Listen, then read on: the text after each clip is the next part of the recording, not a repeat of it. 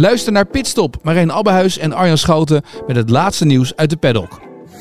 In Ferrari zag je af en toe nog wel een beetje stuiten hoor. Nou, toch wel. Een heel panel 20 keer dat boek heen en weer laten lezen van voor naar achter en van achter naar voren. Ja, ja waar winnen ze niet twee, drie tienden mee? Kun je je bijna afvragen tegenwoordig. En Verstappen zou alleen wereldkampioen worden. Beluister hem in je favoriete podcast-app. Dit programma wordt mede mogelijk gemaakt door Unibed.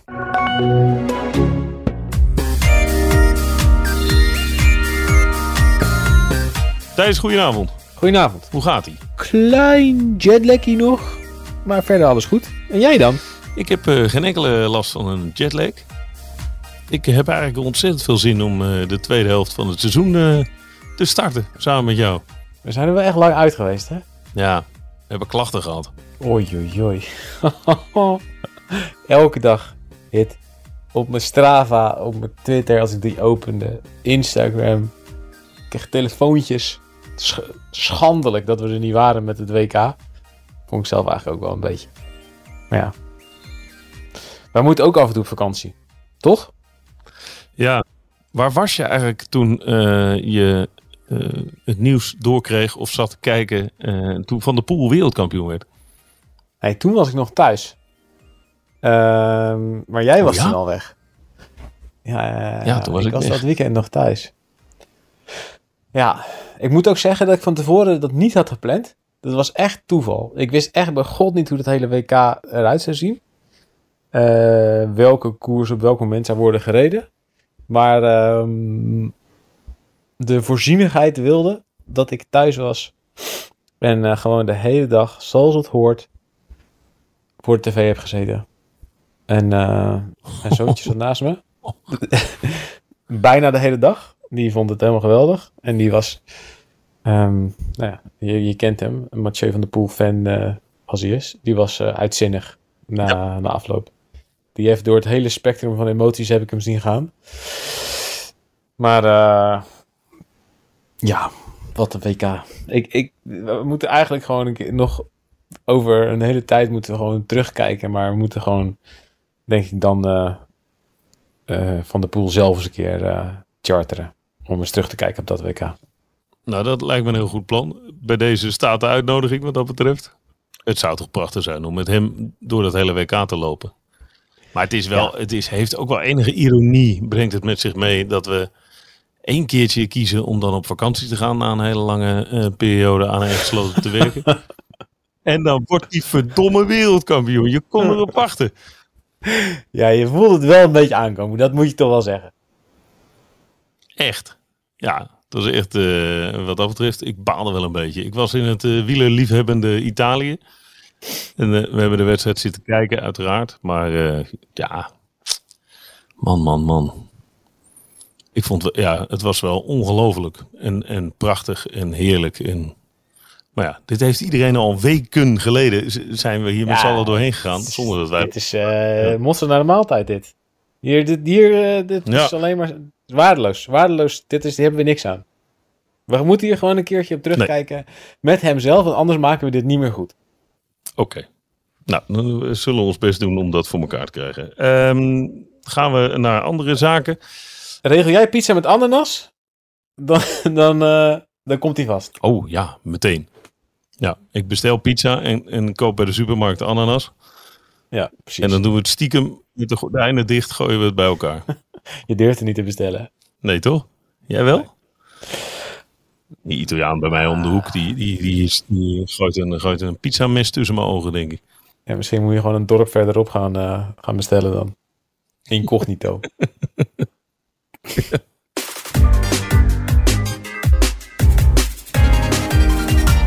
Wat eerst? De Vuelta? Ja. Het is tenslotte rustdag Vuelta. Maandagavond nu. Ja. Wat een, mag ik dat even zeggen? Wat een bende is deze Vuelta. Maar hoe komt dat? Ik zit net een uh, verhaal van, uh, van onze collega Daan Hakkenberg te lezen. Dat nu online staat en morgen in de krant. Die heeft Bouke Mollema gebeld. Um, die uh, zat in altijd een goed idee. Ja, dat is altijd een goed idee. Maar Bouke zat in het tweede vliegtuig. Dus je had op de, op de zondagavond moest die renners nog van de berg afkomen waar die modderstroom was. Eh, moesten ze dus naar beneden. Toen werden ze met bussen naar het vliegveld vervoerd. Moesten ze met het, vliegveld, met het vliegtuig van eh, naar, eh, naar, naar, ik naar Valladolid worden gebracht. En het, ja, toen ging het dus overal keihard regenen. Ehm, en in Madrid spoelden de auto's door de straten. En de tweede vliegtuig, dus het vliegtuig waar Mollema in zat, dat kreeg toen vertraging. En eh, die mocht niet meer landen. En het eerste vliegtuig is nog wel geland. En het tweede vliegtuig moest weer op- opstijgen en is ergens anders geloof ik naartoe gegaan. Ik geloof naar Madrid. En daar moesten ze nog, eh, vanaf daar moesten ze dan weer een busreis van drie uur naar Valladolid maken. Dus die eh, vertelde dat hij om kwart over vijf in zijn bed lag. Lekker begin van de rustdag. Maar dat is wel, ik vind het echt metaforisch voor deze Vuelta. Het is vanaf het begin één grote shitshow. shitshow. Ik kan het niet anders zeggen. Ze hebben er. Ze hebben geen mazzel met het weer. Laat me dat vooropstellen. Het weer zit Nee. flink tegen. Nou is dit ook misschien wel steeds meer het normale weer. Dus we kunnen wel elke keer zeggen, ja, het is zo extreem. Dat zeiden we in de, in de Giro dit jaar ook, bijvoorbeeld. Maar misschien moeten we er ook een beetje rekening mee, mee gaan houden dat dit soort dingen steeds vaker gebeuren. Aangezien het klimaat eh, verandert. Ehm, maar wat de organisatie er volgens mij doet, is wel echt van een niveau. Dat, dat is echt. eh, dat is geen profkoers waardig. Dit is echt amateurisme ten top. En elke dag opnieuw. We hebben die ploegentijdrit gehad op dag 1, die al in het water viel. Omdat ze geen rekening hadden mee gehouden dat het, als het zou gaan regenen, wel eens een beetje donker zou kunnen worden. En dat het misschien wel eens iets eerder eh, het licht zou, weg zou zijn dan op een mooie zonnige dag, waar ze blijkbaar vanuit waren gegaan in Barcelona. Als je die foto's ook ziet van die laatste ploegen, ja, die rijden gewoon helemaal in het donker. Ja, het was ongelooflijk. Was dat. Ik, ik reed die dag de, eh, eh, de Gravel Worlds, een soort piraten-WK in, eh, in Amerika. En ik kwam binnen. Kampioen van de Open. Mijn, mijn zoon, ja, dat, nee, ik werd gewoon zesde, punt. Laat ik het zo zeggen. Oké. Nou, 40 plus van en- me. Ga door. Ja, hou op. En ik, ik kwam binnen en ik eh, was echt, eh, ja, ik was echt helemaal naar de vaantjes. Ik heb 8,5 uur eh, erover gedaan. Waaronder een half uur lang heb ik moeten lopen met mijn fiets op, op mijn nek. Ik was helemaal af. En toen zat ik, en toen pakte ik mijn telefoon erbij, toen ik eh, 100 meter na de finish tegen een hek aan zat. En een van de eerste dingen die ik opende was, ik wilde even kijken wat de ploegentijdrit in de, in de Vuelta had gegeven qua uitslag. En ik zie daar toch DSM dat wint voor Movistar. En toen dacht ik echt, het gaat niet goed met me. Het gaat niet goed met me. Er is hier, ik ben aan het hallucineren. Of ik, ik, het is toch, toch weer iets, deze, deze, deze wedstrijd heeft me geen goed gedaan. En ja, toen moest ik het echt ehm, gaan verifiëren. Heb ik echt eh, mensen, mensen appjes gestuurd van, hey, klopt dit? Maar eh, ja, het klopte. Movistar was inderdaad tweede Ik heb geworden die in, in de ploegentijd. Zeven keer ververst. Ja, toch? Als je alleen die uitslag ziet en je Ja. hebt geen context. Ja, dat kan niet. Ja. Dus ja, en nou goed, in de rit 2 eh, moest, er al, moest er al allemaal kunstig vliegwerk aan, aan te pas komen. eh ritten ingekort.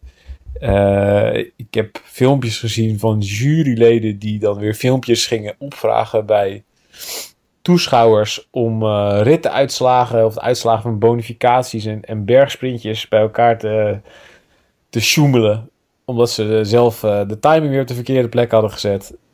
Ja, die, die rit van, van zondag, die eindigde in die modderstroom. Nou ja, dat laatste stukje modder, dat leek wel te gaan. Maar ja, dat kan me ook voorstellen dat, de- dat ze dat eruit haalden. Want we konden dat stuk ervoor ook niet zien. Ik weet niet of ze hebben moeten afdalen in de modder of dat er echt, hoe glad het was. Er stonden vrachtwagens eh, eh, eh, horizontaal over de weg geparkeerd die er niet vanaf kwamen. We hebben even een pool gehad die een, een uitloopstrookje had van, van 42 meter, waarin die niet meer de tijd had om eh, eh, eerst te juichen en daarna zijn handen weer naar zijn stuur te brengen om op tijd te remmen. Het is elke dag een bende. Maar het is toch gewoon uh, ASO thuis. Ja, uh, Mollema zegt, uh, denk ook wel terecht, in naam is het ASO, maar er lopen hier gewoon dezelfde mensen rond van de oude Vuelta-organisatie. Dus ik denk wat, ja, de ASO Ja, heeft het inderdaad een aantal jaar geleden overgekocht en heeft eh, de rechten en heeft eh, ehm, ja, zijn naam erop gedrukt. En die zien het een beetje als de, nou ja, de, de, de speeltuin of de, het experimenteerplatform voor de Tour.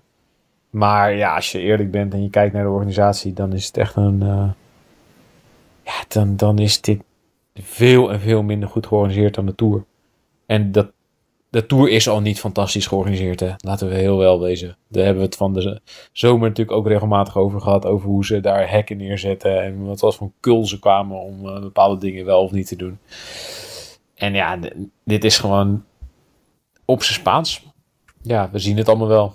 En eh, dat is heel vaak heel leuk ook. Omdat je er kunt rondlopen. ehm, en er is eh, veel minder stress. En je kunt eh, vijf minuten van tevoren nog op het parcours met je auto. En je kunt eh bij wijze van spreken zo het peloton met renners infietsen om iemand te gaan interviewen. Maar ja, nu zie je toch ook wel even de keerzijde van de medaille. Als je het zo slecht organiseert dat je dus ook echt door alles wordt verrast. En ja, dat renners gewoon niet eens meer weten waar de finish is. De finish is at de finishlijn, zou ik bijna zeggen. Maar het is Ja. wel natuurlijk de, eh, het is wel de, de situatie dat dit geen goed doet voor eh, de derde grote ronde van het jaar. Het is echt het nakomertje zo, hè? Van, we hebben, de, weet je, de Tour staat natuurlijk overal boven. We hebben eh, een Giro die echt leeft in Italië, waar de Italianen echt eh, eh, hemel en aarde voor bewegen om die groot te maken en te houden. En dan, oh ja, heb je ook nog de Vuelta. Dat wordt het wel steeds meer. En zeker als dit soort dingen allemaal gebeuren. Ja, weet je, er zijn natuurlijk ook gewoon genoeg renners die hier, die dit niet serieus nemen. En ja, hoe, dat kan je ook soms niet serieus nemen. Nee, Zo'n zo'n eerst, eerste nee dat ploeg. kan je die renners wat- bijna niet kwalijk nemen. Nee, wat moet je daarmee, weet je? En, en, en ritten die, ja, waarvan we, je, je tijdens de, de wedstrijd zelf ineens hoort van, ja, nou, ja, ik denk dat de finish daar ergens ligt en eh, nou, trek maar een sprintje en, en dan, dan zien we het wel. Het is, eh, het is echt beneden alle pijl, de organisatie. En ja, eh, ik, ik denk dat het nog meevalt wat voor een invloed het heeft gehad op de stand en de wedstrijd zelf. Ik denk die ploegtijd het wel echt wel flink, eh, eh, flinke tegenvallen was, voor, voor- vooral voor Jumbo. Eh, die hadden daar natuurlijk normaal gesproken geen tijd verloren, maar eerder gewonnen. Eh, ehm, maar als je nu kijkt naar, de- naar het klassement, dan staat wel iedereen, de, de grote jongens, er is niet eentje van die onwijs veel pech heeft gehad door zo'n situatie, denk ik. Tenzij nu iemand zegt. waar Nee, dat is eerder geluk dan, eh, dan wijsheid. Dat is eerder geluk dan wijsheid, ja. Helemaal, ja. Ja, het is wel verschrikkelijk treurig. En, eh, en het lijkt me ook voor renners dat ze, weet je, ik heb het stuk van, eh van Daan eh, met Bouke nog niet gelezen, maar het lijkt me ook wel dat je denkt, poeh, misschien is het voorlopig wel even de laatste keer dat ik hier al mijn energie in stop. Ja, nou goed, nou was het al voor veel renners natuurlijk de, de ronde die ze niet het hele jaar gingen voorbereiden. Weet je, de, de, de Vuelta is toch nou, op een paar uitzonderingen naast, als Evenepoel vorig jaar, die bereidde hem echt het hele jaar voor. En die was toen niet voor niks echt ook veel beter, veel beter eh, geprepareerd en voorbereid dan de rest. Ehm, maar voor heel veel renners is het, nou ja, weet je we, we rijden, het hoofddoel is de Giro of de Tour. En daarna zien we het nog wel. En als het goed gaat, ja, dan plakken we de Vuelta er nog aan vast. En ik denk dat Jumbo nu een, eh, echt een, een doel heeft om die drie grote rondes te winnen. En dat ehm, ja, zeker Roglic er echt nog wel een, een, een doel van heeft gemaakt om hier echt naartoe te trainen. Maar voor, bijvoorbeeld voor Vingegaard is het echt, ja... eh, als hij had gezegd na de Tour, jongens, eh, ik ben zo moe, ik heb er geen zin meer in. Dan had hij die Vuelta niet gereden. En nu is het, omdat ze Giro en de Tour hebben gewonnen, hebben ze een unieke kans om ook de Vuelta te winnen. Ehm, maar dat is meer van, eh, oh ja, deze pakken we ook nog even mee.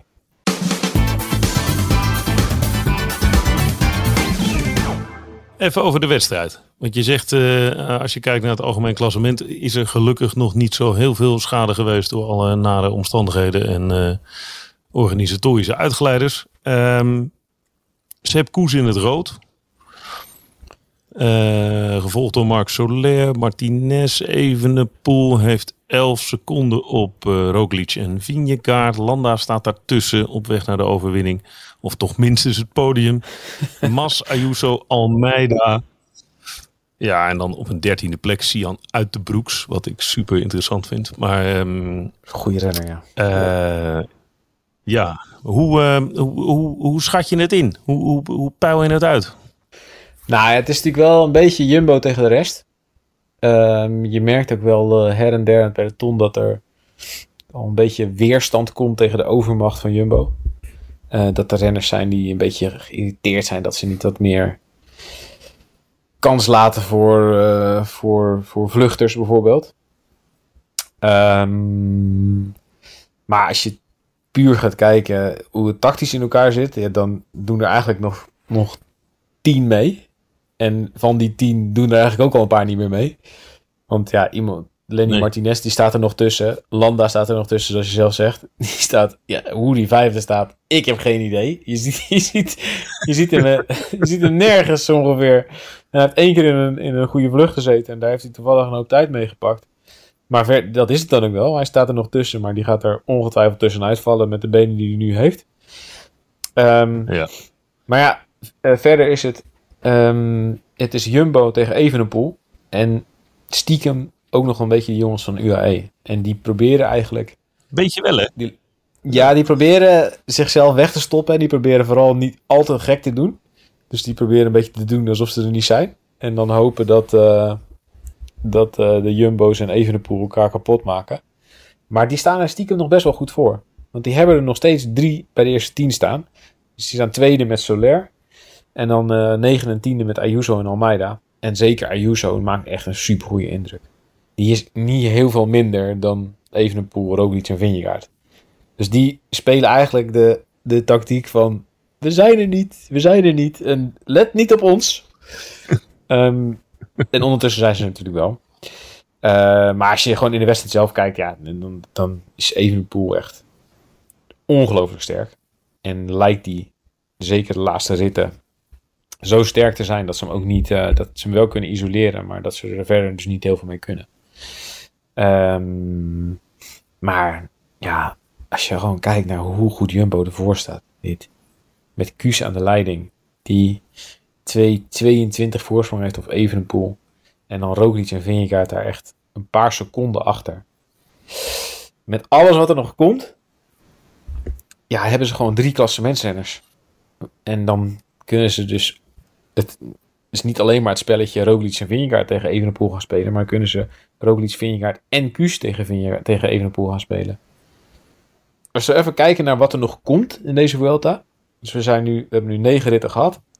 Eh, dinsdag, dus voor ons morgen, is de tijdrit.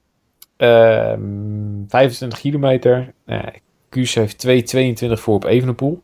Als je kijkt naar de tijdrit uit het verleden, dan zou je zeggen dat Evenepoel over Kuus heen gaat. Dat hij die 2,22 goed gaat maken in 25 kilometer. Moet bij worden Ja. aangetekend dat Kuus niet heel vaak tijdritten volle bak rijdt. Nee, dat is een interessant gegeven natuurlijk. Dat is echt wel anders nu.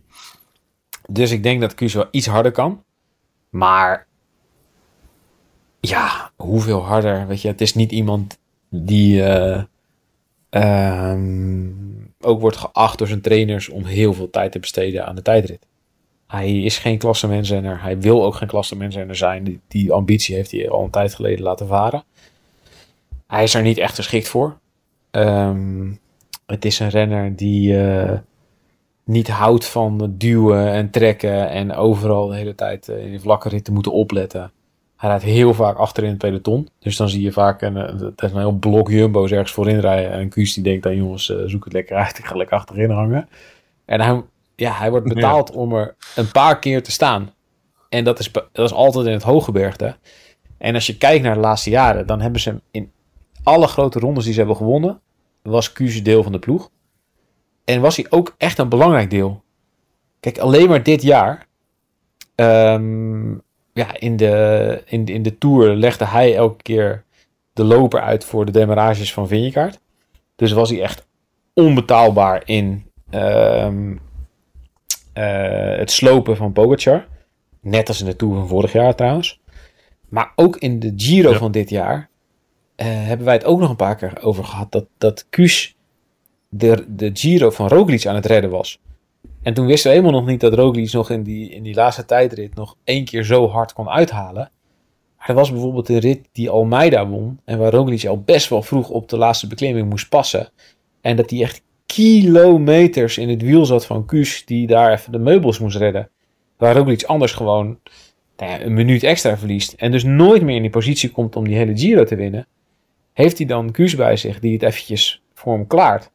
En er zitten in bijna elke grote ronde zitten er van dat soort momenten dat ze Q's, hebben, dat ze Q's nodig hebben. En die jongen is gewoon een van de beste klimmers van de wereld. Ehm, eh, en hij bewijst eigenlijk elke keer zijn waarde. En hij wilde per se de Vuelta rijden. Dat vindt hij de mooiste ronde van het jaar. Hij houdt niet van de, van de stress van de Tour. En de Giro moest hij dit jaar rijden omdat Kelderman eh, op het laatste moment uitviel. Dus ze hadden gewoon een goede klimmer nodig daar die uh, Roglic kon ondersteunen. Dus op het laatste moment moest Kuus daar naartoe. En het eerste wat hij toen vroeg aan de ploegleiding was... Ja, maar jongens, dat gaat toch niet ten koste van mijn Vuelta als ik nu de Giro rijd? En toen hebben ze dus moeten beloven... Ja. Nee, nee, nee, je mag ook naar de Vuelta als je nog wil en kan. En als je nog de benen hebt. Als je nu de, Giro rijdt, mag je ook naar de Vuelta. En toen, ja, toen heeft hij dus gezegd... Oké, dan rijden ze dus alle drie. Dan rijdt hij dus, voor, dan rijdt hij dus Giro, Tour, Vuelta. Hij moet gewoon per se deze ronde rijden, omdat hij deze dus de mooiste vindt. En die rit die die won, Ja. ik Nou, vond het com- zijn ja. commentaar ook echt prachtig na afloop. Heb je, dat, heb je dat nog gezien, dat filmpje? Ja, ik wou het zeggen. Ja, echt, echt schitterend. Hij had zo genoten van de, van de natuur en eh, zijn ploeggenoten deden het zo leuk. En, ja, hij was gewoon helemaal niet bezig met... eh, ik heb eh, hier een Vuelta-rit gewonnen en ik kan misschien wel een gooi doen naar het podium eh, in Madrid. En ik vraag me nog steeds af in hoeverre hij er nu mee bezig is. Maar ja, zijn voorsprong is wel zo groot dat hij na de tijdrit... en ik denk dat je het meer zo moet zien... volgens mij is het niet eens zo heel belangrijk of Evenepoel nu wel of niet 2,5 minuut of 3 minuten goed maakt, of misschien 2. Het zal ergens, normaal gesproken zal het ergens tussen de 2 en 3 minuten liggen, denk ik. Eh, wat Evenepoel goed maakt op Kuus. Dus dan heeft Evenepoel zijn achterstand op Kuus wel weggewerkt. Maar dan staat Kuus er dus nog wel tussen. In plaats van het, dat... is, het is ideaal. Het is ideaal Ja. voor Jumbo. Tactisch spel, eh, hulde, hulde. Ze hebben er straks drie bovenop Evenepoel. Ja, precies dat. Precies dat. En ja, je ziet dat Evenepoel eh, is het bangste voor Roglic en, en Vingegaard. En als je de laatste dagen kijkt, op, zeker op Soretta Cati vond ik Vingegaard niet geweldig. Hij wordt niet voor niks uit het wiel gesprint eh, op het moment dat, eh dat Evenepoel aangaat en eh Roglic er nog overheen komt. En ik denk, als hij goed was geweest, dat een van die twee, dat Roglic of, een, of Vingegaard ook had aangevallen op het moment dat eh Evenepoel Kuus had teruggereden. Dus het zou goed kunnen dat Vingegaard ehm, langzaam maar zeker, zeker eh, het, het, het explosieve stukje, het frisse stukje van zijn conditie en zijn vormpeil aan het verliezen is. Wat ook logisch is natuurlijk, want hij moest, in, hij moest het kortst geleden heel goed zijn. Hij heeft het minst eh, eh, toegewerkt naar de Vuelta van, van deze jongens dan. Ehm, en ik denk het eerste wat je verliest, logischerwijs, is ja, dat je een bepaalde frisheid hebt. En dat zit vooral dan in die laatste paar procent, dat je echt die hele explosieve inspanningen aan kan. Dus ik denk dat het best logisch is dat Vingegaard wat minder vinnig is dan in de Tour. En dat hij dus net, net overal wat minder eh watts uit zijn beentjes kan peuren. Maar er komt eh, in deze Vuelta eigenlijk ehm, nog zoveel heel zwaars en heel langs aan. Dat ik niet per se verwacht dat dat nou de doorslag hoeft te geven voor hem. Ik denk dat hij ook kan winnen. Op het moment dat hij eh, ergens een keer wegrijdt. In een goede groep mee zit. En dat Evenepoel kapot is gereden. En, eh, en dat hij dan veel voorsprong pakt. Want dat is natuurlijk wel het gevaar ook voor de andere twee. Dus je hebt natuurlijk één van die jumbo's eh, hoopt Ja. natuurlijk dat, dat hij degene is die straks de juiste aanval plaatst waarop Evenepoel niet meer reageert. Ja, dit is, eh, dit is onderling natuurlijk. eh, want eh, naar buiten toe gaat het allemaal hartstikke goed. Maar zeker die twee, Roglic en Vingegaard, die zullen nog wel even bedenken van... wat komt er nog aan? Wat zit waar? Welke positie zit ik? Ben ik degene die dan niet teruggepakt wordt door Remco Evenepoel? Of door de UAE's? Dat, dat is het spel wat ze onderling natuurlijk spelen. Ja, en dus dat, die rol van de UAE's is dan wel belangrijk hoor. Want ja, dat is wel echt de vraag wat die dan straks gaan doen. Ik bedoel, stel dat Kuus... Kijk, je krijgt die, die tijd straks. Het meest logisch is, denk ik, dat Evenepoel dan net aan de leiding staat. En dat hij eh, dan drie jumbo's in zijn nek heeft hijgen.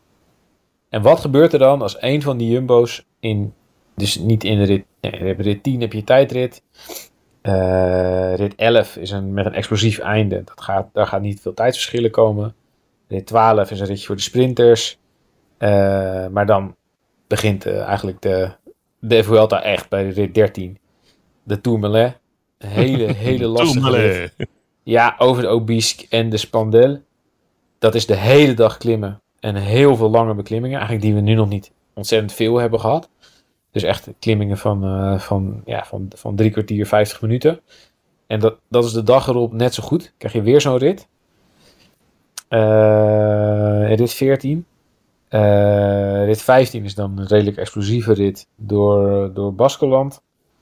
Eh, rit 16, explosief einde. Daar gaat niet, tactisch niet zoveel gebeuren. Dan krijg je nog de Angliru. Vergeet je nog bijna dat hij er ook in zit. Rit 17. Eh, en dan rit 18 en 20 zijn ritten waar je eigenlijk de hele dag kunt aanvallen. En zeker rit 20. Dat is echt een heerlijke rit. Een beetje vergelijkbaar met die rit waarin Dumoulin ooit de Vuelta verloor van Aru.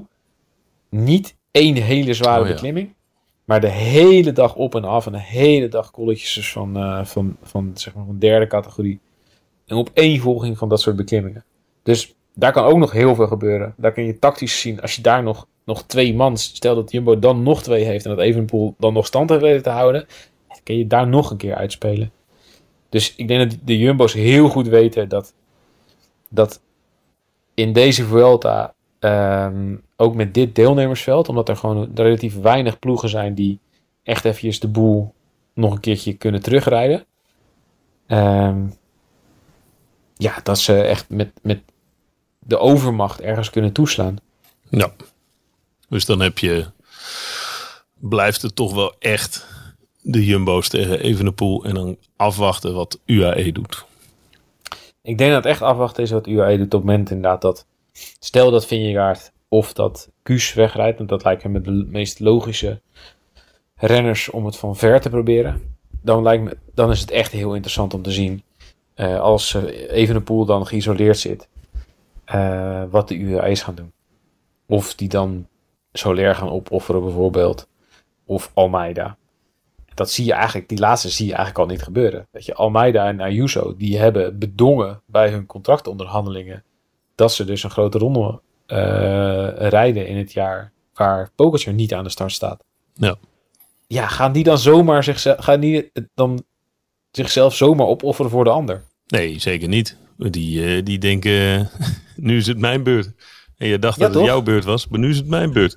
Dus ik denk dat die strijd eigenlijk intern veel feller is, kan ik me voorstellen, dan bij, bij Jumbo-Visma. Als je dat van Jumbo-Visma, die drie, uh, beschouwt, ja, dan gaat Koes niet voor de overwinning rijden uiteindelijk in Madrid. Gaat wel Nou een rol spelen, maar zal niet gaat- zelf voor de overwinning. Te- Tenzij, ja, tenzij Evenepoel dus zegt als Kuus wegrijdt, ja, ik, ik, ik, ga- ik ga het niet doen. Die- en dat hij gaat, Nee, dat ook een beetje gaat dan bluffen. komt het hem. Ja, maar dat, dat is wel ook een scenario natuurlijk. Dat Evenepoel denkt, ja, de Toedeledoki, ik ga hier niet met, eh met, met Roglic en Vingegaard op mijn bagagedrager eh, eh, twee minuten op Kuus lopen dichtbrommen als die in een groep mee zit. Laat de UAE het maar doen. En dat UAE denkt, ja, weet je, eh, wij gaan het niet doen. Zo kan Kuus uiteindelijk ook nog een keer deze Vuelta winnen. Het is, maar dat is ook omdat er gewoon voor de rest zo Nee, weinig zeker. Weet je, Ineos heeft geen ploeg meer. Eh, eh, Bora heeft eh, de, de- nummers 12 en 13 in het klassement. Die zijn ook gewoon bezig met hun eigen klassement. Weet je, Vlasov en, en Uiterbroeks. Movistar heeft niet echt een ploeg om iets dicht te rijden. Dus ja, op het moment dat er dat wegrijdt. En zeker als die met iemand als Van Baarle of zo wegrijdt. Ja, dan, dan is het gewoon bal. Zo'n zo'n zo'n eh, ontsnapping als van de week. Waar, waar en Soler en Martinez en Landa allemaal bij zitten. Dat gebeurt gewoon niet in de Tour. Dan zijn er gewoon te veel andere ploegen die denken... Nee, dit, zijn, dit is gewoon een te goede groep. Die gaan meteen dichtrijden. Maar toch even, Koes heeft, hij, kan, hij kan een rol spelen en hij kan op deze manier richting Madrid eh, in het rood. Zeker, dat is echt een scenario eh, waar we rekening mee moeten houden. Maar hij heeft niet de ambitie.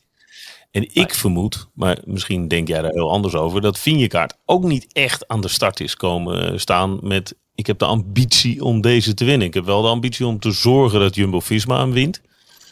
Maar niet om hem per se zelf te winnen. Dus dan blijft Roglic over als meest voorname kandidaat. Misschien dat ze die het langst zullen sparen. Omdat hij ook het beste eindschot heeft. Maar Zoiets. Ehm, in de rit die Kuus won, was Roglic wel de eerste die aanviel. Daarachter. En Vingegaard reed er daarna nog Ja. keer naartoe. Dus ik denk... Kijk, Roglic heeft de Giro gewonnen. Vingegaard heeft de Tour gewonnen. Voor die jongens kan het seizoen ook niet stuk, weet je. Er is ook niet eentje van die twee die echt die niks heeft gewonnen. Het is niet zo dat Roglic de Tour en de Giro heeft gewonnen. Of Vingegaard allebei. Ze hebben allebei al hun grootste doel van het jaar behaald. En ze weten ook dat ze elkaar nodig hebben nu om, om met de ploeg in ieder geval die laatste af te vinken. En voorlopig is er nog geen onderlinge strijd. Dat kan natuurlijk nog wel komen op het moment dat ze beginnen in te zien dat één van die drie of één van die twee gaat winnen. Maar dan moeten ze eerst nog wel even een pool slopen. En dat is nog niet zomaar gebeurd. Kortom, het wordt nog een beren interessant vervolg van deze Vuelta. Dat wordt wel echt leuk, ja. Ja, echt. Ik vind het, eh, ik vind het voor, voor, vanuit Nederlands oogpunt is het eh, jammer dat Aresman eh, eruit is. Want die had volgens mij nog echt wel een, sowieso een top 10 eh, hier uitgesleept. Maar als je hem zag vallen, dan... Nou ja, eh, als, dit het is, waar hij ermee, waar hij mee af is gekomen met, met wonden in zijn gezicht en eh, een gebroken sleutelbeen volgens mij. Dan, eh, Wat een rotsmark, man. oh, dan valt het nog mee. Zou je bijna zeggen. Ja. Ja, nou, laten we hopen dat dat inderdaad meevalt. Ehm, voor de mensen die zich afvragen, gaan jullie nou weer op vakantie? Jongen, weer een aantal weken niks. Eh, dat is niet zo. We zullen deze Vuelta eh, via de podcast natuurlijk blijven volgen. Weliswaar op afstand, want we gaan er niet naartoe helaas. Ik heb er wel, ik zou er wel zin in hebben. Heb jij dat ook? Om even even gewoon nog een periode Vuelta? Eh, ja, eigenlijk wel. Maar dan moet het wel wat lekkerder weer worden. Als ik het, het weer daar zo zag in die eerste anderhalve week, dacht ik nou, geef mijn portie meer aan Vicky. dan zie ik ons niet echt Ja. lekker tapatjes eten op een, op een Spaans plantje in dat weer heet. Nee, ik moest vooral denken aan eh Chorette Cathy. Feliz Navidad. Wat een lekker klimmetje, hè? Wat zo'n mooie naam. Nou ja, kijk, als je ergens naartoe gaat, naar Spanje, dan, eh, en je gaat dan naar deze wereld, dan moet je eigenlijk wel naar die Picos Europa, waar de Angliru ook ligt. En eh, ja, iedereen heeft het elke keer over de Angliru, omdat dat dan de meest fameuze berg is uit dat gebied. Maar de Picos Europa zijn, vind ik, een van de meest onderschatte, misschien wel de meest onderschatte bergketen van, eh, van Europa. Dus het is daar zo mooi. Daar zou ik wel toch wel graag naartoe willen. Ja, maar daar wil je gewoon naartoe om je fiets eh, achter in mijn auto te gooien en dan lekker te gaan fietsen. Ja, nee, maar ook gewoon, het zijn allemaal aardige mensen daar en er is niet zoveel toerisme. Je, je, rijdt daar een beetje gewoon door het binnenland heen en er is niet zoveel. Weet je, ja, ik woonde daar niet heel ver vandaan, in Cantabria, Ehm, een jaar. En ja, ik vertelde dan het verhaal dat ik, als ik daar het binnenland in ging fietsen en ik nam een bepaald klein weggetje en dan reed ik een of andere klim op waar je dus nooit iemand tegenkwam. En dan lag de ene week was er dan een koe overleden. En die was midden op het pad, eh, op, op de weg neergevallen. En een, week later lag die koe er nog steeds in de ontbindende fase met de gieren erop. Dat vind ik dus echt mooi.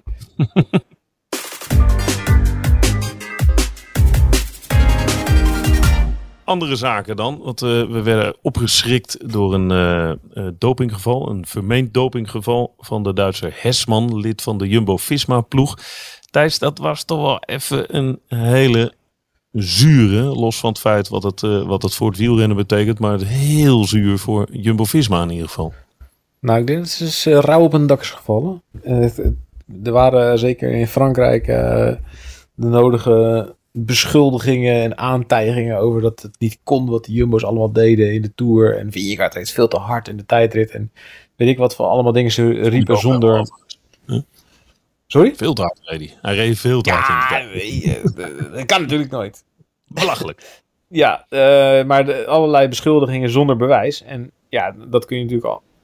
Dat kun je allemaal afdoen als ja, weet je, hier is geen enkel bewijs voor. En eh, eh, ehm, het, het be- bewijs wat er wel ligt, is dat ze met een aantal dingen veel verder zijn dan de, dan de concurrentie qua materiaal en qua voeding en dat soort dingen. Maar als je dan een aantal weken na de tour een, een echt positief geval binnen die ploeg hebt, dan ja, is dat linksom of rechtsom, dat, hoe je er ook naar kijkt, is gewoon een enorme vlek op je blazoen. En ehm, ehm, ja, ik, ik heb een aantal mensen binnen de ploeg eh, contact mee gehad. En ja, die, eh, die gebruikten hier scheldwoorden voor om eh, ja, eh, te laten zien wat, eh, hoe, hoe ze hier eh, van baalden, zeg maar. En dan weet je natuurlijk niet, eh, dan moet je altijd rekening mee houden dat, dat dit eh, een georganiseerde dopinggebruik binnen de ploeg is. En waar Hesman nu degene is die er tussenuit valt. Dat kan. Die kans is niet bijster groot, want daarvoor zijn niet heel veel aanwijzingen. Maar of het nou georganiseerd is of dat het nou één renner is die ehm, hier tegen de lamp loopt omdat hij of per ongeluk of expres eh het middel heeft gebruikt. Het is gewoon super slecht voor die ploeg. Dus eh, het is ook volgens mij de eerste keer sinds de grote schoonmaak van de, eh, na de Rabo-tijd. Dus de eerste keer sinds Blanco Belkin dat er een renner positief wordt bevonden bij, bij deze ploeg. Je hebt eh Luis Leon Sanchez gehad, die hebben ze eruit gegooid. Dat was deel van de schoonmaak. Dat is eigenlijk een van de laatste die eruit werd geknikkerd. Ehm, je hebt daarna nog een keer zo'n slaapmiddel Ja, incident gehad met, met Tolhoek en eh Barredo volgens mij. Ja, slaapmiddelen staan niet op de dopinglijst. En dat brachten ze zelf naar buiten, omdat ze, daar, omdat ze er transparant wil, over wilden zijn. Je hebt nog een keer eh, Bennett en Theo Bos gehad, die eh, eh, met een cortisol problemen hadden. Maar ook dat is geen, geen doping. En hebben ze allerlei testen gedaan om aan te tonen dat het kwam door overtraining.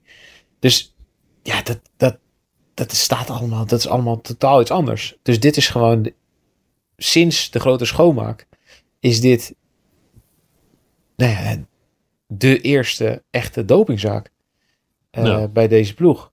het is natuurlijk wel een renner die in de Giro reed. Hè? Ja, hij reed in de Giro. Hij is, eh, hij is pas 22. En als we even inzoomen op het geval zelf. Eh, ik heb net nog even nagevraagd, maar ze weten er zelf niet meer van dan wij, zeggen ze. En het komt omdat het Openbaar Ministerie in Duitsland deze zaak nu eigenlijk op zich heeft genomen. Dus je hebt ehm, de UCI die dit oppakt en die dat dus via de tuchtrechterlijke kant doet. Dus tuchtrecht is nou, wat, eh, waar wij het vaak hebben over in de sport. Weet je wel, Eh, hoeveel jaar schorsing krijg je voor je sport? Of eh, moet je, word je, worden uitslagen geschrapt of disqualificaties, allemaal dat soort dingen. En je hebt in Duitsland ook echt een strafrechtelijke kant van doping. Ehm, doping is daar, zeker sinds een aantal grote dopingzaken van een aantal jaren terug, hebben ze doping ehm, een, een, een strafrechtelijk vergrijp gemaakt. Dus het staat daar gewoon in het wetboek van strafrecht. Je mag geen doping gebruiken. Er zijn een hoop meer landen die dat hebben gedaan na grote dopingaffaires. Frankrijk, he- Frankrijk heeft dat, Italië heeft dat, eh, Oostenrijk heeft dat. Zeker, die hebben een aantal grote affaires gehad. Ehm, Spanje thuis. Die eh, hebben na eh, operatie Fuentes een aantal dingen toegevoegd in het wetboek van strafrecht. Want Fuentes kon eigenlijk niet worden vervolgd. Eh, ze moesten Ze wisten wat hij had gedaan. Hij had, eh, weet ik hoeveel mensen eh, van doping voorzien, bloedzakken bewaard, heringebracht, weet ik het allemaal wat. Maar het enige waar ze hem toen konden voor vervolgen was dat hij schade had berokkend aan de gezondheid van die mensen. En dat is best wel lastig om dat ehm, te gaan bewijzen. Zeker ook omdat die sporters dat zelf ook wilden. En er was toen maar één geval, bijvoorbeeld van Manzano. Die eh, was, was, was omgevallen ergens tijdens een wedstrijd en die was bijna omgekomen. En ja, die, dat konden ze dan niet genoeg onderbouwen dat dat dan alleen maar kon veroorzaakt zijn geweest door een slechte bloedzak van Fuentes. Dat was heel lastig en de Fuentes is daar relatief makkelijk van afgekomen. Eh, omdat er dus geen strafrechtelijke grondslag lag om hem op een andere manier te vervolgen.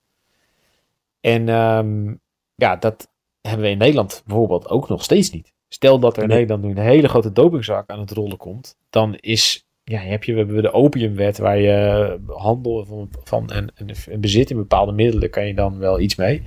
Maar er is niet zoiets als sportieve fraude. Dat geldt net zo goed ook voor matchfixing. En er staat een dopingwet al enige tijd klaar eh, om behandeld te worden door, eh, door de minister en door de Tweede Kamer. Maar dat wordt elke keer maar uitgesteld en uitgesteld en uitgesteld. Eh, dus we hebben dat nog steeds niet. En ik denk ook niet dat dat er zomaar gaat komen in Nederland dat, het, dat doping gebruiken ehm, strafrecht, strafrechtelijk eh, vervolgbaar wordt. En dat is het in Duitsland dus wel. En eh, in Duitsland nemen ze dus ook zo'n zaak veel serieuzer. En krijg je dus ook het Openbaar Ministerie nu meteen op je dak. En die hebben natuurlijk veel meer bevoegdheden dan in Nederland de dopingautoriteit heeft. Denk aan mensen verhoren onder Ede. Eh, wat de FBI heeft gedaan in Amerika om eh, bijvoorbeeld Lance Armstrong eh, van zijn voetstuk te trekken.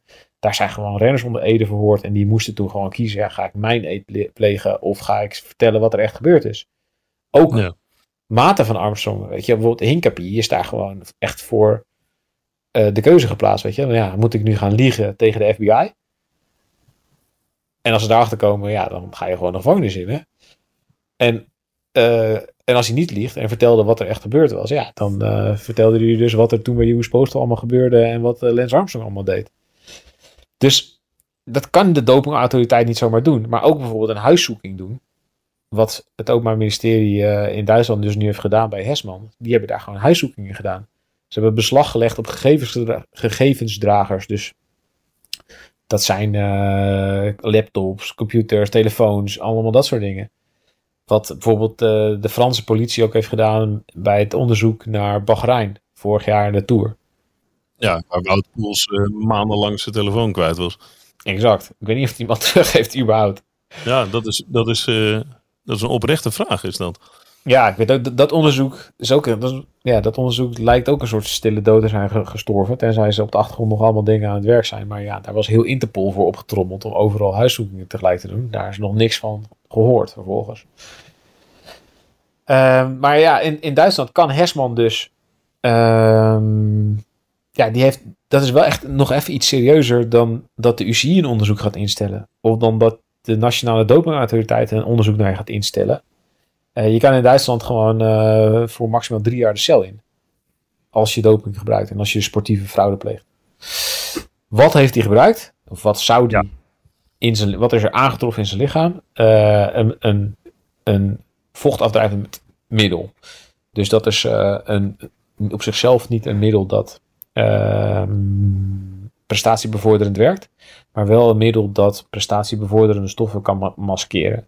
Dus als jij, eh, weet ik veel, anabolen gebruikt, of testosteron, of groeihormoon, of EPO, en die, je neemt vervolgens een plaspil, dan is, die, eh, dan is dat slechter terug te vinden in je urine.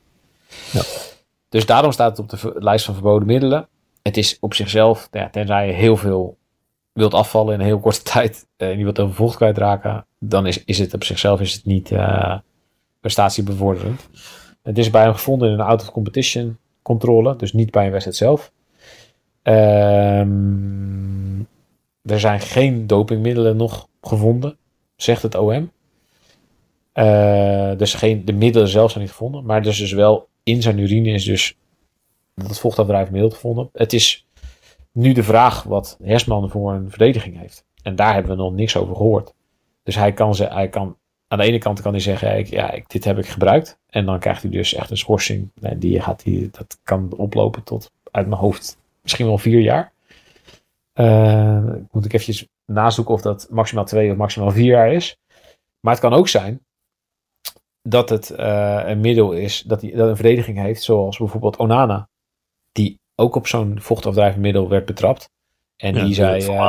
eh, Ajax. Ja. ja, ja, die zei: nee, ik heb het eh, pilletje, dat was voor mijn vrouw bedoeld. En eh, ik heb het eh, verwisseld met een eigen pilletje. En ik wilde, wilde een paracetamolletje nemen. Ik nam per ongeluk een vochtafdrijvend middel. En Onana kreeg een half jaar straf uit mijn hoofd. Dus dat, dat kan ook nog. En dus er hangen dus. En er hangt hem dus een tuchtrechtelijke schorsing boven het hoofd. Dus, een, dus een, van een half jaar tot eh, meerdere jaren, dat kan verschillen. En er hangt hem dus ook nog een gevangenisstraf boven het hoofd. Als ze echt bewijzen dat hij dit willens en wetens heeft gebruikt. En dat hij misschien nog wel meer middelen heeft gebruikt. En dat hij dus echt eh willens en wetens sportieve fraude pleegde. Dan kan hij ook nog echt gevangenis in. Ja, dat is het, het verhaal voor hemzelf. Wat is de schade voor de ploeg? Want het is natuurlijk een, een vlek. Hè? Dat heb je eerder gezegd. Het is een vlek Ja. op eh, de prestaties. Ehm, het winnen van de Giro door Roglic. Het winnen van de Tour. Met alle speculaties die daarbij kwamen kijken. Maar het, misschien gaat het ook nog wel wat verder, vroeg ik me af. Sponsoring voor de toekomst. Jumbo die eventueel afhaakt. Een nieuwe sponsor die aan wil haken. Ja, heel misschien. Het ligt er ook een beetje aan wat het verhaal is, denk ik. Kijk, nu is er nog gewoon niks bekend over het verhaal van hemzelf. Dus de ploeg heeft hem op non-actief gezet, meteen. Ehm, en zij weten nu ook nog niet meer. Dus het is nu een soort van, we zitten nu in een soort van limbo. We weten, we weten niet wat de verdediging van die Hersman gaat zijn. We weten dus ook niet wat, de ploeg weet dat ook niet. Dus die ploegen weten ook niet hoe ze zich tot hem gaan verhouden. Of ze hem meteen gaan afstoten en gaan zeggen: ja, hier willen we niks mee te maken hebben. Als, als dat, dat lijkt me het meest logisch eigenlijk dat ze dat gaan doen. Dan valt de schade volgens mij nog wel mee. Dan is het een hele lelijke zaak. En de eerste eh, sinds de grote schoonmaak. Dus die kunnen dus, ja, eh, je kunt niet meer zeggen: we hebben nul dopinggevallen eh, gehad. Ehm, maar het kan ook nog zo zijn dat hier eh, daadwerkelijk iets aan de hand is, zoals bij Onana. Wat Onana zei dat er aan de hand was dan. En dat, dat Hesman nu komt met een verdediging eh, die plausibel is. En die wordt geaccepteerd. En eh, waarmee die wegkomt met een paar maanden schorsing. En dan, ja, dan valt het nog mee, alleszins. Maar ja, die kans lijkt me en dit is wel een beetje speculeren wat ik nu doe. Dus wel een beetje gevaarlijk. Maar die kans lijkt me niet super groot op het moment dat het zo lang stil blijft. Nee, ik zat nog wel te denken dat stil blijven heeft dat misschien ook wel te maken met het feit dat er een strafrechtelijke eh, zaak boven zijn hoofd hangt. Ja, ongetwijfeld. is dat maakt wel de stakes wat higher. Ehm, Dan ga je Maar niet als- zomaar wat roepen. Dan ga je niet zomaar reageren op een dopingautoriteit of een UCI. nee, klopt. Maar als er een heel logisch, plausibel verhaal zou liggen. Dan had hij dat denk ik wel verteld. Ja. Nu al. Ja, je kan je je voorstellen dat hij dat op zo'n moment wel naar buiten had gebracht. Ja. Maar, maar goed. Het kan natuurlijk net zo goed zijn dat het een heel ingewikkeld verhaal is. En dat hij niet weet waar het vandaan komt. En dat er eerst onderzoek moet worden gedaan. En dat ze alle spullen aan het testen zijn die hij bij hem thuis heeft liggen. En eh, van zijn, weet ik veel, van zijn vader en zijn moeder. En van eh, zijn vriendin en zijn hond en zijn kat. En eh, weet, weet ik wie het allemaal bij hem thuis zijn geweest. En dat ze overal stalen van hem nemen zijn om te kijken of er ergens misschien een, dit middel ergens in zit. Waardoor ze een verdediging kunnen opbouwen. Dat kan. Dat is, dat is gangbaar in dit soort zaken. Dat ze kijken, ja, weet je, wat, wat hebben we nu eigenlijk, eh, wat hebben we nu eigenlijk als verdediging? Maar het is dus, ik heb hem dus ook nog niet iets horen zeggen over. Nou ja, ik, ik, ik heb dit wel of niet gedaan, of ik ontken het. Of... Het is wel, ehm, het is een hoop, het is, het is heel stil.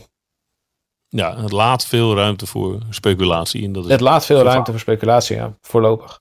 Dus ik denk dat, ja, dat eh er is ook nog gewoon, dit is de A-staal en dit is dus ook, dit is er ook een soort van limbo. Dus iedereen zit nu ook te wachten op uitslagen van, vanuit Duitsland of vanuit de UCI, dat ze met meer informatie komen. Of vanuit hemzelf. Ehm, en ja, ik denk Jumbo dus net zo goed, dat die hier ook op zitten te wachten.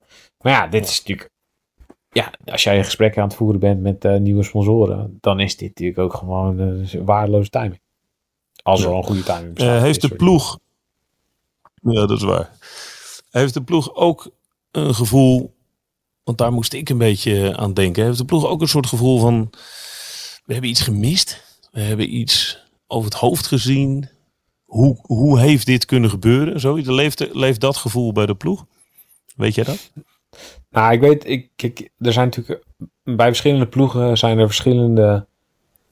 ehm, hebben ze elke ploeg heeft zijn eigen beleid. En sommige ploegen zijn heel streng met het aantrekken van renners en controleren heel strikt op bloedpaspoort en allemaal dat soort dingen. Sommige ploegen denken, nee jongens, we hoeft het allemaal niet te zien, kom lekker hier. Eh, heb je uitslagen van bloedpaspoort? Ja, stuur maar op. Eh, daar kijken ze niet eens naar. Soms vragen ze er zelfs niet eens naar. Eh, we weten jongens. managers die hele database aanleggen van hun renners. Van nou, als er een ploeg vraagt, als er de onderhandelingen gaande zijn van wat willen jullie allemaal hebben? Willen jullie alle uitslagen van, eh, van het bloedpaspoort hebben? Willen jullie inzicht hebben in de whereabouts? Weet ik het allemaal wat. Er zijn er ploegen die daar heel ver in gaan, die alles willen weten. En er zijn er ploegen die gewoon totaal niet geïnteresseerd zijn, die niet eens aan vragen. Jumbo is wel een ploeg die, er, die hier eh, vrij strikt over, op is. Die dus wel echt wel eh, proberen aan de voorkant al te selecteren op eh, welke renners ze binnenlaten. Ehm, maar dit is gewoon een renner die al die uit hun eigen opleidingstraject komt. Die, waarvan ze dus ook de kans hebben gehad om die te vormen. En om die eh, wegwijs te maken in het duurrennen. En om die dus ook te, te vertellen. Ja, ga in godsnaam geen doping gebruiken. En dat is dus Ja. niet. Als hij dus echt bewust doping heeft gebruikt. En dat is nogmaals, dat is speculeren. Want dat weten we nog niet helemaal zeker. Of hij het wel of niet bewust heeft gedaan. Maar als dat er bewust is gebeurd, ja, dan, dan, is, dat, eh, dan is dat heel pijnlijk. En dan is het. Ja, dan is het, weet je, Preitler, Preitler bij DSM. Eh, DSM is Ja. ook een ploeg die vrij strikt is. Of heel strikt is. En die ook een deel van zijn identiteit gebouwd heeft op geen dopinggevallen in de ploeg. En wij proberen het op een schone manier te doen en op een transparante manier te doen. En als in zo'n ploeg dan een renner wel doping heeft gebruikt, zoals Spreiter, eh, dan, is dat, dan is dat heel pijnlijk. En dan eh, denk ik wel dat, je, dat er ook, ook in de top mensen zich gaan afvragen, ja, fucking hell, hoe, hoe heeft dit, hoe heeft dit kunnen gebeuren? Want dit is, ja, dit is gewoon, dit is uiteindelijk heel schadelijk voor de ploeg. En, eh, en voor renners waarmee hij gefietst heeft en voor, nou uiteraard ook voor hemzelf. Ja, het toont wel aan dat er dus wel ja, onmiskenbaar ergens, of dat toont het helemaal niet aan, maar het zou kunnen aantonen in het geval dat het daadwerkelijk zo eh, bewezen wordt, dat er dus echt wel ruimte is om daar nog eh, iets mee te doen. Ja, maar tegelijkertijd weet je natuurlijk net zo goed, het is, de renner zelf is altijd de zwakste schakel. Ja. En ja, dat, dat zeg ik wel vaker. En ehm, dat is in zo'n geval van Preidler net zo goed. Je kunt als, als ploeg of als, als ploeggenoten of als sponsor of als weet ik veel wie, je kan alles zeggen. Maar uiteindelijk, en daarom steek ik ook nooit mijn handen in het vuur voor iemand of voor, niet voor een renner, niet voor een ploeg, niet voor, niet voor niemand. Want uiteindelijk, je bent altijd ergens een keer alleen als renner. En je bent altijd ergens alleen met je gedachten, met je twijfels. En eh, misschien wel met verkeerde invloeden of verkeerde vrienden om je heen. En ehm, nou is het in het huidige wielrennen niet meer zo logisch of zo normaal dat je van alle kanten wat krijgt aangeboden. Maar het kan nog steeds wel. En uiteindelijk is de renner degene die de beslissing neemt of die het wel of niet doet. En dan kun je als ploeg alles controleren en, en iedereen honderdduizend keer zeggen dat je het niet mag doen. En er strenge straffen op zetten of weet ik wat. Maar als die renner denkt, ik doe het toch. En ik, ik kom er wel mee weg. En ik hoef nu toch niet te koersen en ze komen vast toch niet eh, op- bezoek. Om, eh, om mijn plas en eh, mijn bloed af te nemen. Ja, die renner blijft uiteindelijk altijd de zwakste schakel. Dus ook al heeft hij het bewust gedaan, dan is het nog steeds soms echt ongelooflijk moeilijk om dat allemaal te controleren. Tja. Nou ja, dit is nou echt een die, eh, waar de, we de komende maanden misschien eh, wat gaan, eh, gaan horen. Ja, hier, komen we, hier, hier, hier bijten we ons in vast. Hier komen we op terug. Hier komen we op terug.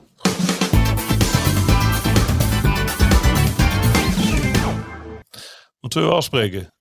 Pakken we het ritme weer op? Woensdag, zondag gedurende de Vuelta, op zijn minst. Is goed. Twee per week? We hebben wel, ja, we hebben wel wat goed te maken namelijk. We hebben wat goed te maken, ja. We hebben niet veel vrienden gemaakt, denk ik, afgelopen tijd. Nog? Waar hadden we die al dan? ja, we hadden wel een paar vrienden, dat denk ik wel, ja. Oké. Ja. Maar eh, we zijn er weer. Dat is, het- dat is het belangrijkste. Ehm, woensdag spreek ik je. Eh, ik moet even een kleine rectificatie. Oh? Uh? Tijmen Aresman. Ja, nu al. ik had nog even nagevraagd bij, bij Aresman wat hij nou precies had. En of hij nog kon koersen. Maar hij heeft geen gebroken. breuken. Nee, Ja. geen breuken. Jammer, had ik je toch moeten corrigeren. Maar ik dacht, jij weet jij iets wat ik niet weet. Nee, nee, nee, nee. Tand is gefixt. Hechtingen, schaafwonden, zwellingen. Hersenschudding.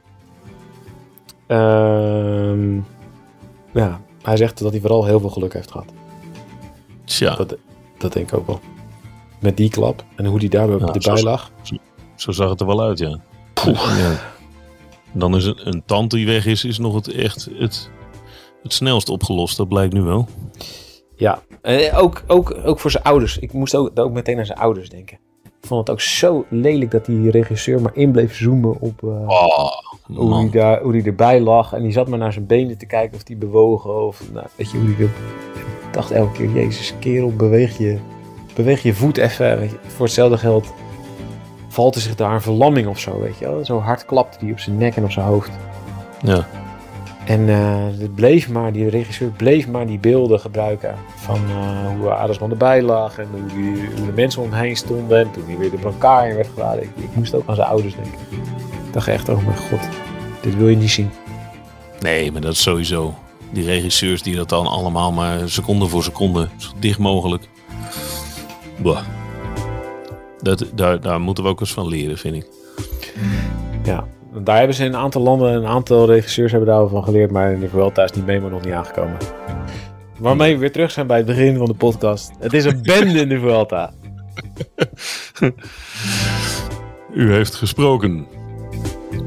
Ik spreek je woensdag. Laten we hopen op beterschap. Yo, tot woensdag. Luister naar de AD Voetbalpodcast. De dagelijkse podcast voor alle voetballiefhebbers. En mijn vrouw heeft totaal geen verstand van voetbal hoor. Dus die weet ook niet of het re- reëel is voor Feyenoord of niet. Maar Hebben we het niet over? They're back. Hè?